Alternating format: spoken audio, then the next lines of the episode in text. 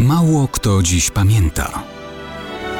Datownik historyczny prezentuje Maciej Korkuć.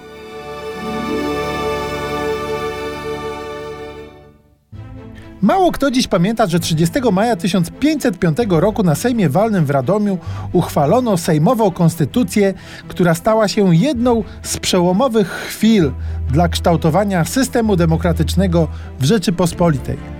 Przyjęto zasadę wyrażoną łacińską formułą nihil novi sine comuni consensu, czyli nic nowego bez wspólnej zgody.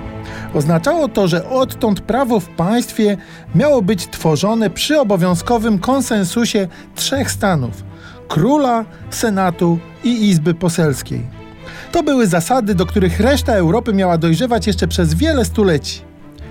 Nihilnowi wieńczyło proces budowy demokracji szlacheckiej, czyli oryginalnego systemu, który stworzył przestrzeń wolności na wielkim obszarze w samym sercu kontynentu.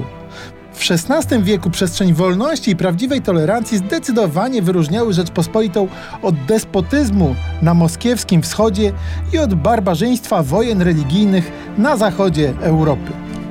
Dziwne jest, że w polskich szkołach dzisiaj uczy się patrzenia na demokrację szlachecką od tyłu, przez krzywe zwierciadło liberum veto i paraliżu władzy.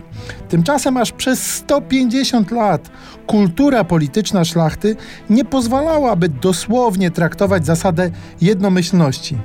Liberum veto chroniło demokrację, a nie jej przeszkadzało. Dopiero po 150 latach od konstytucji Nihilnowi zerwano po raz pierwszy Sejm na skutek protestu pojedynczego posła. I to dopiero upadek kultury politycznej i dosłowne traktowanie liberum veto przyniosło wynaturzenia i całkowity paraliż Sejmu w XVIII wieku. Tym bardziej warto, aby w Europie, w której słowa demokracja i parlamentaryzm są odmieniane przez wszystkie przypadki, nawiązywać do pięknych tradycji polskiej demokracji, która od XVI wieku sprawnie funkcjonowała przez wiele pokoleń, stając się wówczas obiektem marzeń i zazdrości zarówno dla tych ze wschodu, jak i wyżynających się wzajemnie i nietolerancyjnych społeczeństw zachodu. I warto pamiętać, że to wzorce o niebo lepsze od tego, co przyniosły potem takie czy inne rewolucje.